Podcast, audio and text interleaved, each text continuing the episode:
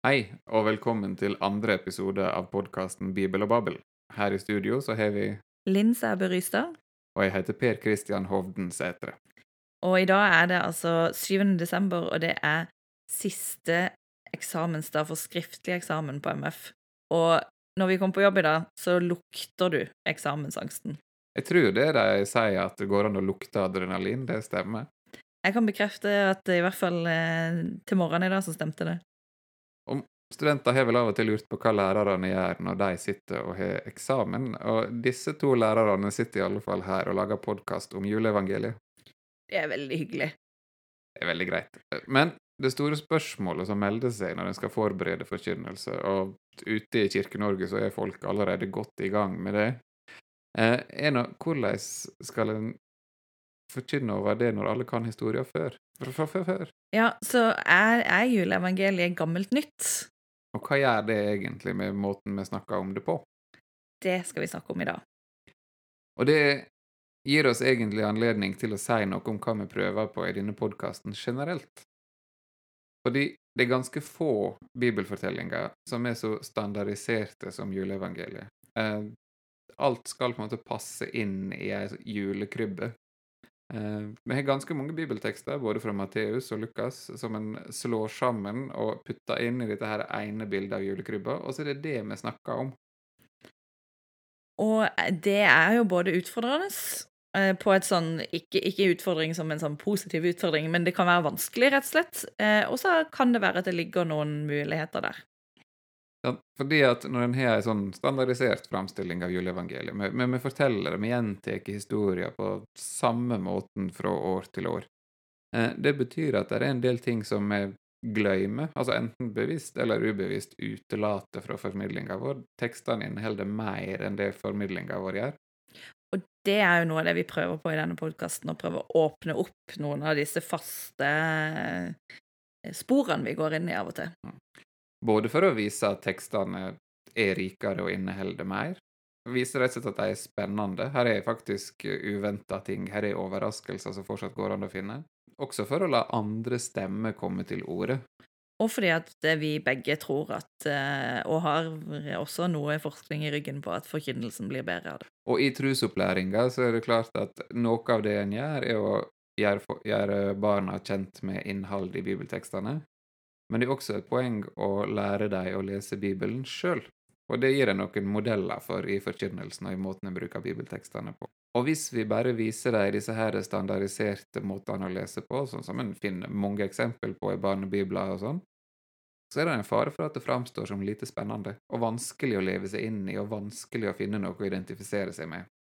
Og så er det også eh, Jeg tenker også at det må være en forskjell på forkynnelse og undervisning. Det er også et poeng. Mm. Og av en av de viktigste forskjellene er vel at i en forkynnelse så kan ikke en prøve å si alt. Absolutt ikke. Det blir fort uh, kjedelig. Og, og altså eh, Hvis en ser på alle, nesten alle, altså samtlige homiletikkbøker, så eh, sier de som regel noe hva er målet med forkynnelsen. De har en sånn tanke om hva er målet når vi skal forkynne. Og målet er jo veldig sjeldent å informere tilhørerne om hva som står i Bibelen.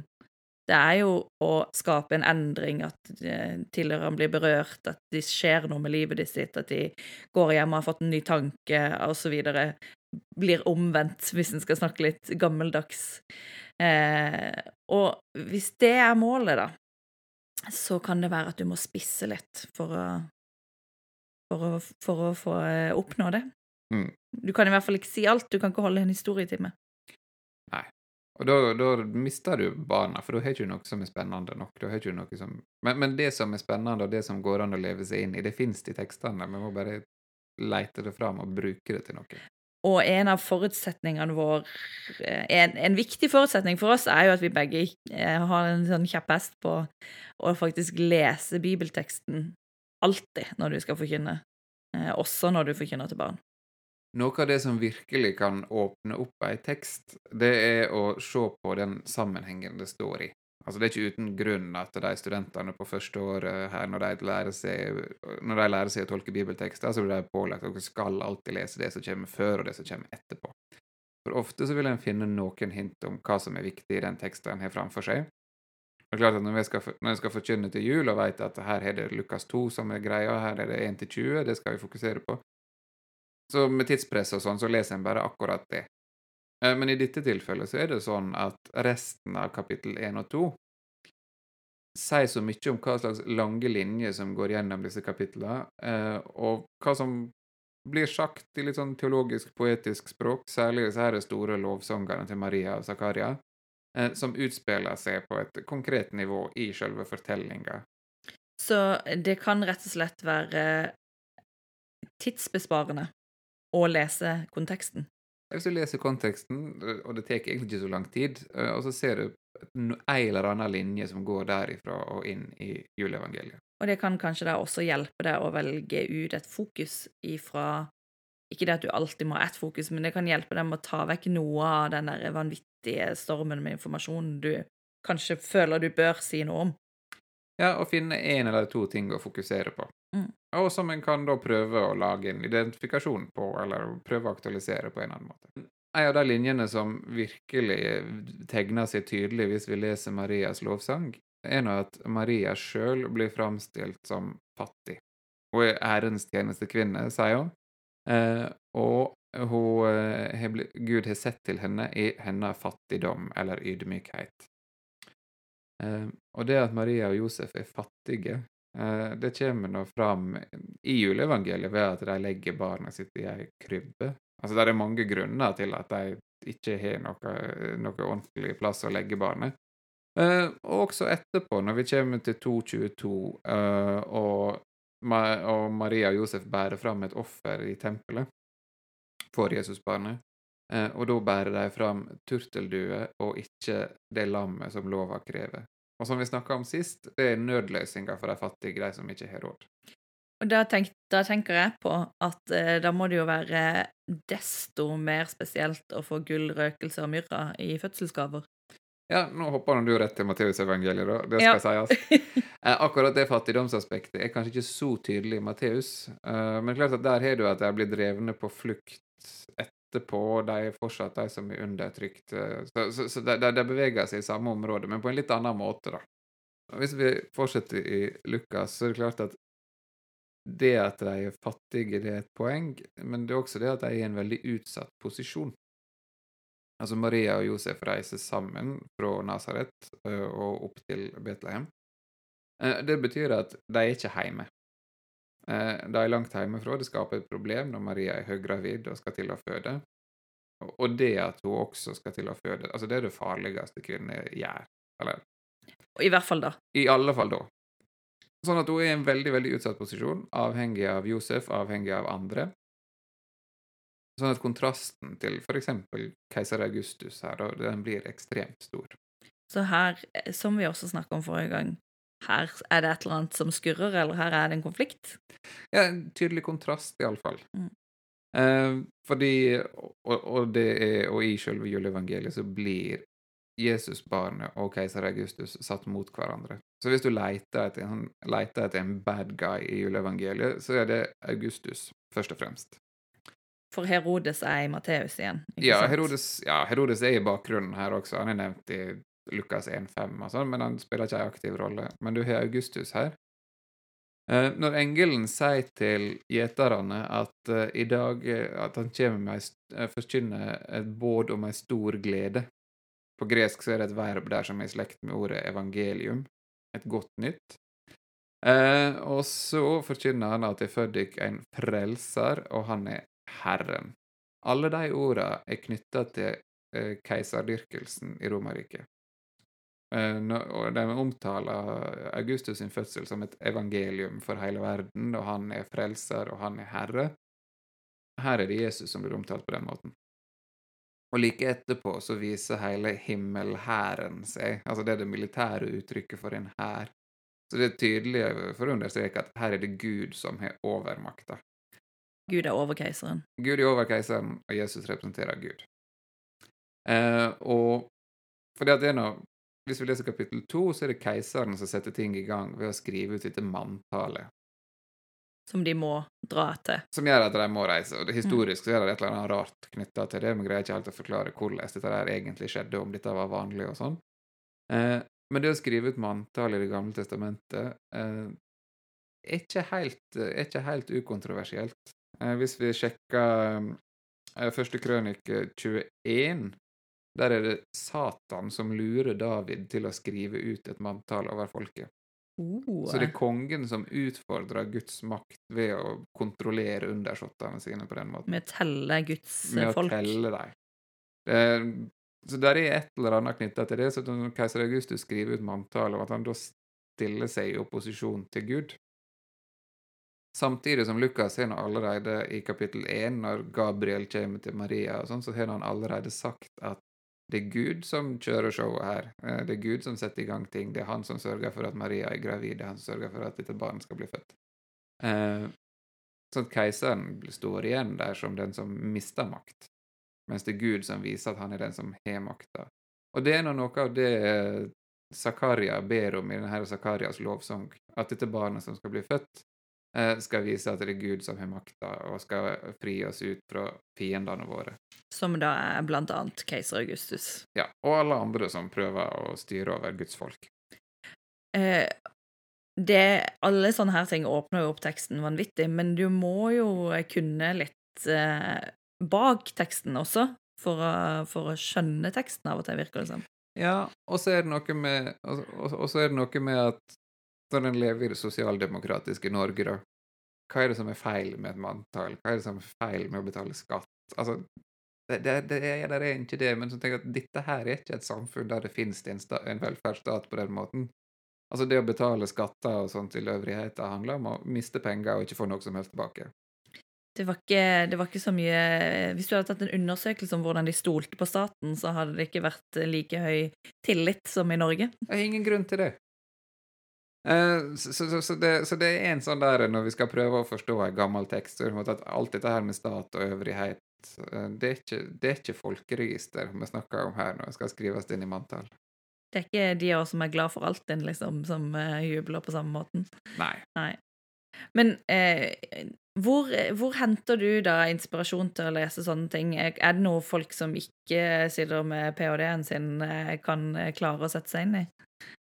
Altså, mye av dette handler om bare om å lese ting i sammenheng, og å ha en sånn tanke om at det som står, at, at Lukas har bygd opp en fortelling som henger sammen, og at det som står før, har faktisk konsekvenser for det som kommer etterpå. Også at det er en sånn sammenheng i at ja, det Maria sier i et kapittel, må, det hjelper oss å forstå hva Maria gjør i et annet kapittel. Og eh, det er jo også sånn at eh, med en gang vi tar den teksten Altså, for vi leser den jo med vår kontekst i, i bakgrunnen hele tida, men du gjør jo et eller annet med teksten med en gang, da, ikke sant? Sånn som du sier at eh, eh, vår statsforståelse er annerledes. Og når du da flytter juleevangeliet inn i vår tid, så har du på en måte gjort et eller annet uansett med den teksten, da. Ikke sant? Og skal vi, og skal vi gripe det, altså iallfall hvis jeg snakker med eldre barn, og sånn, så kan jeg snakke om den andre typer land, andre ordninger, at en har diktatur. En har, der er mennesker som med god grunn i verden i dag ikke stoler på staten, ikke stoler på myndighetene. Uh, og at du må kanskje litt utenfor Norges grenser for å finne noe som er sammenlignbart. Og det betyr vel kanskje at hvis du skal snakke om juleevangeliet langs disse linjene, så passer det kanskje best til ei ei eldre målgruppe. Det, jeg tror ikke dette er fireåringmateriale. Nei. Eh, men, men kanskje det fattigdoms, fattigdomsperspektivet kan være Og at de trenger noen andre. At det kan være, det kan være enklere for yngre målgrupper. Eh, og der er det en del ting i teksten som, er, en kan snakke om. eh, For eksempel eksempel dette her berømte herberget som ikke er i juleevangeliet lenger. Ja, dette er snacks. Det er det, for det var ganske mange som la merke til i 2011, når den nye bibeloversettelsen kom, at plutselig så sto ikke det det var ikke plass for dem i herberget, men nå står det det var ikke husrom for dem. Og det er nå fordi at der står et ord som før har vært oversatt herberge, som på gresk er katalima. Det betyr egentlig bare en plass der en overnatter, eller egentlig en plass der en løser hestene sine. Eh, Så det kan være hva som helst slags plass der en hviler for kvelden. Eh, det kan bety vertshus, det gjør det i en del sammenhenger. Eh, men, eh, men Lukas bruker andre ord om det. De, de gangene han snakker om vertshus, så bruker han et annet ord som faktisk betyr det. Men det, så det trenger ikke være dette her vi kom på døra og banka på, og så var det ikke noen som tok imot oss. Nei, ikke sant? Og, og hele denne tanken om vertshusholderen som stenger, stenger, døra for, stenger døra for deg altså, Hvem i Mm. hele verden er det som ikke åpner døra si når det kommer ei høygravid kvinne og, be, og ber om å få overnatte? Altså, der er, noe, der er noe med at en forutsetter at folk i Betlehem var så ubarmhjertige og lite gjestfri. Og det, og det, men det gjør en bare i den vestlige lesninga av juleevangeliet. Altså, Over krybbeplassen i Betlehem så henger der i dag, eh, eller det gjorde iallfall i 2013, eh, et skilt fra de palestinske turistmyndighetene der det står Vi ønsker dere velkommen, slik vi ønsker fredsfyrsten velkommen. Det er jo litt annerledes enn sånn som de fleste julespill i Norge portretterer denne vertshusscenen. Altså, Hvis du forutsetter den, den julespilltolkninga, så, så gir ikke det skiltet mening. Fordi at bad guyen er ikke vertshuseieren, det er Augustus. Ja, i den grad du skal ha en, så, så tenker jeg det. Og, den, og denne vertshuseieren er ikke der, for det er ikke noe vertshus. Og jeg lurer på om Og dette her tror jeg er tradisjonen som, dikt, så, så, som, som legger til, fordi at du har Johannes-evangeliet. Altså Johannes 1 så har du Uh, Og han kom til sine egne, og hans egne tok ikke imot ham. Så det har kommet ganske kjapt i tradisjonen, da, at eh, hans egne ikke tok imot den. Ja, og du har hele den greia med at jødene ikke tok imot han, og at folk i Betlehem representerer de jødiske folk, og at det da er veldig lett å på en måte, vise hvordan de ikke tok imot. Eh, og det føyer seg inn i en tradisjon som blir til kristen antijudaisme og antisemittisme, jeg har ganske fæl sånn, eh, historie videre. Så det skal en kanskje være obs på før en, til, før en i forkynnelsen og julespillene sånn, lager veldig mye sånn Bruker den spenninga eh, til å fortelle dine fortellinger. Dette var vi også innom forrige gang, tror jeg. Mm. Jeg tror det. Men Eh, eh, det er, det er viktig, da. Eh, og det er, sier noe om hvordan tolkningshistoria har forma eh, mange strømninger i vestlig kultur. Mm.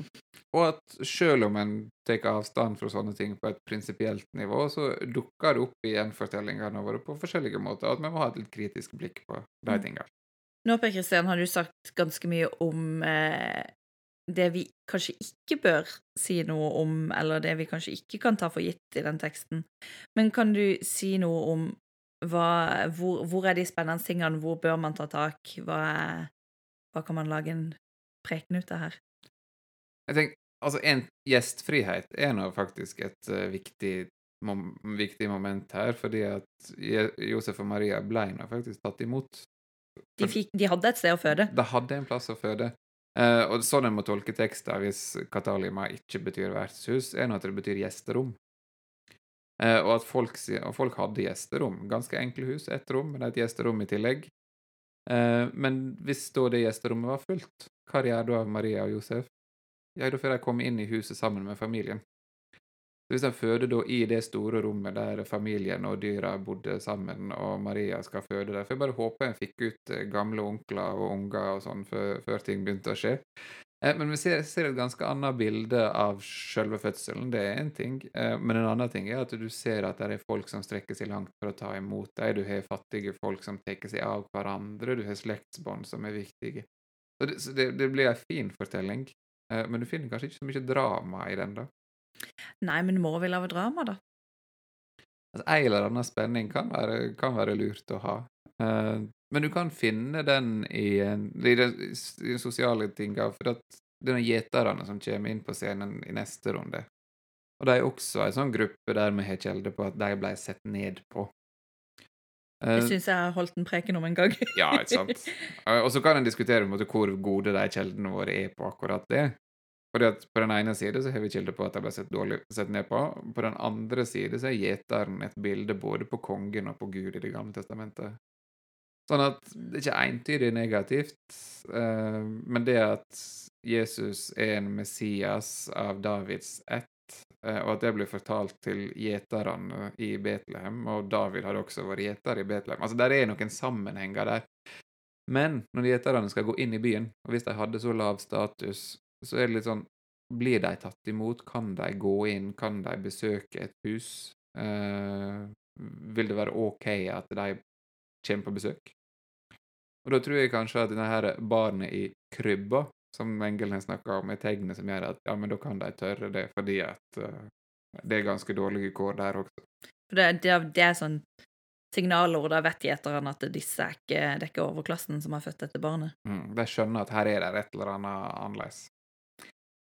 Så, så det, det, kan en snakke om. Og, kan, og jeg tenker at det at en snakker mye om gjestfrihet i forbindelse med jula, at en leser Leo Tolstoys julelegende om denne skomakeren som gjerne vil møte Jesus, og så ikke ser ikke han han, men han ser bare alle disse fattige som trenger hjelp eh, på forskjellige måter, det, det, føyer seg fint inn i denne måten å snakke om. Så det er ikke så det Å koble de ganske kjente tinga fra vår sånn juleformidlingstradisjon, det går, det, kanskje det går an så er det vel noe problematisk med gjestfrihet, apropos ensomhet, og alle har ikke et sted å være i jula, videre.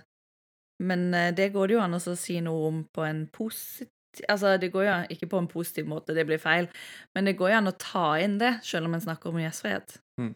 Og tror ikke du at en kan finne noen gjenklang, altså den type opplevelser kan finne en gjenklang i Maria og Josef langt hjemmefra uten sine vanlige uten sine vanlige relasjoner. Ja, og det, det går jo an å eventuelt leve seg inn i åssen det da måtte være hvis du har uh, reist, jul, uh, reist, hjem til jul, og så plutselig kommer din uh, litt slektning litt langt ut i slekta, høygravid, og sier at hun skal komme inn her og føde. Det, jo, det går an å leve seg inn i det der, på en måte. Det, det, det gjør det. Å finne noen identifikasjonspunkt. Ja. Og Eh, en homiletiker som jeg akkurat har lest, han er veldig opptatt av at prekener trenger mer virkelighet. Mm. Det tror jeg ikke er et så dumt poeng. Eh, det han, eh, han har en kjepphest på, er at eh, å lese Leo Tolstoy sin skomakergreie, det kan faktisk være å føre mer ikke-virkelighet inn i prekenen. Fordi det er ikke din fortelling. Da må, du, da må du gjøre et godt arbeid med å faktisk gjøre den fortellinga til din, da. Så det er en sånn eh, generell betraktning om eh, hva gjør vi for noe når vi forteller noen andres fortelling. Det gjør vi jo for så vidt når vi snakker om juleevangeliet også. Så det er noe med at i forkynnelsen så må, må du rett og slett gjøre fortellinga til de egen for at den skal kunne eh, gi gjenklang hos andre. Sånn at hvis en forklarer en bibeltekst med en annen litterær tekst, f.eks. Tolstojs legende, som han hadde knabba for noen andre, uh, fant, fant de ut her en dag. Så får du egentlig bare to fortellinger på samme nivå, og tilhøreren vil etterlyse en, en førsteperson som snakker. Ja. ja. Veldig ofte. Eh, det er teorien, da, i hvert fall. Og den bekreftes eh, i hvert fall eh, i stor grad av empiri, altså empirisk homiletisk forskning også. Altså at denne her broa som mange, som vi predikanter, ofte tenker at ja, men når jeg tar denne teksten og setter den sammen med den teksten, og så viser at dette henger jo sammen på et overordna plan her, på et abstrakt nivå, så når jeg gjør denne koblinga, så kommer alle andre til å gjøre den koblinga. Det viser jo eh, empirisk forskning på homolitikk og prekener at det, det skjer ikke. Så du må gjøre det, rett og slett, du må gjøre ordene til dine egne, da, eh, og så formidle de sånn. Hvordan kan en gjøre det, da? Hva grep kan en gjøre for å gjøre dette her mer til sitt eget? Og mer virkelig. Eh, det er rett og slett det gamle slagordet 'show, don't tell'. Altså, vis ting. Ikke, ikke, bare si, for det står her et eller annet sted at Josef var en rettferdig mann. Hva betyr det for noe? Hva, hva Altså, du må gi mer kjøtt på den setninga der, da. Eh, hva betyr det, eller hva slags, eh, hvordan kan vi vise at Josef var en rettferdig mann? Så det er noe med å ja, rett og slett show, don't tell. Vis, ikke fortell det. Selvfølgelig må den være balanse der, men eh, det går an å legge til detaljer. Det går an å også eh, ja, ja, bare gi litt mer ekstra på da. Og det som ofte skjer, er nå at en legger til en eller annen person som observerer det som skjer, og som er med på å erfare det sammen med tilhørerne, på en måte. Er det en måte å gjøre det på? Ja, det kan være en veldig god måte å gjøre det på. det, For du trenger et slags perspektiv, Eller ikke bare et slags, du trenger et perspektiv. Eh, du trenger noen som ser noe, eh, og som da eh, viser og forteller det videre. Og på, og en måte så er det det som skjer i juleevangeliet sjøl. Altså, Maria og Josef er nå bare nevnt i noen få vers, og de blir egentlig ikke beskrevet i særlig detalj. Og, det, og, det, er et paradoks at selve fødselen blir nesten ikke beskrevet verken i Lukas uh, eller i Matteus. Altså, Jesus blir mer eller mindre født i ei bisetning. Uh, og, og, lagt i ei krybbe. for det som, de observatørene i juleevangeliet er nå først og fremst gjeterne. Det er de som får fasiten på en måte fra engelen. De blir åpenbart det fra himmelen. De ser Guds herlighet. De, de, de, de er med på Guds plan når engelen snakker til dem. Uh, og så går de derifra inn til Betlehem, og så erfarer de hva som har skjedd uh, der Jesus er født. Og så skjønner de at ja, men ok, da var dette her det som ble fortalt oss. Og så går de derifra og lovpriser Gud for alt sånn som det blitt sagt. dem. Det er én sånn type observatør som er inne og kommer på besøk og ser det. Mm, at du kan være gjeter, på en måte, eller du kan få noen til å fortelle det fra gjeterens posisjon, osv. Mm. Men poenget som vi også snakka om forrige gang, at det må være fulle karakterer som det går an å identifisere seg med. Du identifiserer deg ikke med flate karakterer. Nei. Uh, og det er kanskje utfordringa med den type fortellinger. At hvis det blir fortellinger om noen som ser noe, så blir det en ser, blir litt flatt. Mm. Uh, et eksempel på det kan være denne, helt, denne nye julefilmen. Den heter Stjernen. Uh, animert film, kom i fjor. Den er egentlig veldig bra. Men den forteller egentlig om dyra som, som følger Maria og Josef fra Nazaret til Betlehem. Og alt av spenning, alt av følelser, alt av dynamikk, det foregår mellom dette her eselet, naturligvis, eh, og så en, eh, en, sau og ei due. Vi blir ikke kvitt eslene, altså. Vi blir virkelig ikke det. Eh, der skjer all dramatikken. Mens Maria og Josef egentlig bare beveger seg sånn helt sånn forutbestemt, mekanisk, mot Betlehem og skal dit for å føde dette barnet. Og så skjer det mange ting som kunne ha hindra det, men det er dyra som tar seg av det. Og så kommer du aldri Skjønner aldri hvem disse karakterene i Josef og Maria er. Men du får et bilde av hva som skjedde da gjennom øynene til dette her eselet. Mm. Men du tenker du at det var en god eller en dårlig måte å gjøre det på? Jeg tenker, det, den, den hennes svakhet er at Maria og Josef blir veldig flate karakterer. Vi skjønner ikke hva som foregår der. Og det kan jo være at det hadde vært sånn sett mer interessant enn hva et fiktivt esel ser. Ikke sant. Samtidig som det blir mer barnevennlig, sant? fordi at det er ikke til å komme forbi at sånn forlovelser og ekteskap og fødsler og sånn, det er sånn voksen ting. Absolutt. Men eh, det var et sitat i denne her eh, homilitikkboka som jeg kan legge ut referansen til. Eh, og han sier eh, Han siterer en annen forfatter, da. It, it, was all true, and it didn't matter. Så det var, alt var sant, men det betydde ingenting. Og det kan kanskje være forskjellen på eh, undervisning og forkynnelse. Altså eh, Nå sier jeg ikke det sånn at ingen undervisning kan inneholde noe som betyr noe, og at eh, ingen forkynnelse kan inneholde informasjon. Sånn er det jo ikke. Men at målet, da Målet er å bety noe. At ikke målet er ikke å informere, men målet er å bety noe.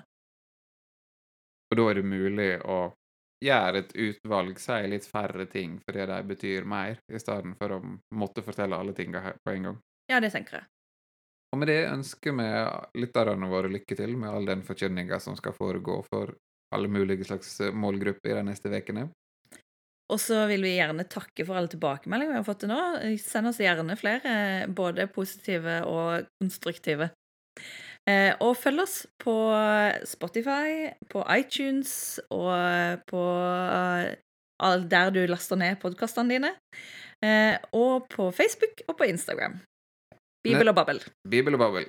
Og neste episode av Bibel og babbel den kommer neste fredag. Uh, da skal vi snakke om vanskelige ting i juleforkynnelsen, og vi skal ha et særlig fokus på fortellinga om Josef, som er preiketekst fjerde søndag i advent. Vi snakkes om ei ukes tid. Ha det bra. Ha det godt.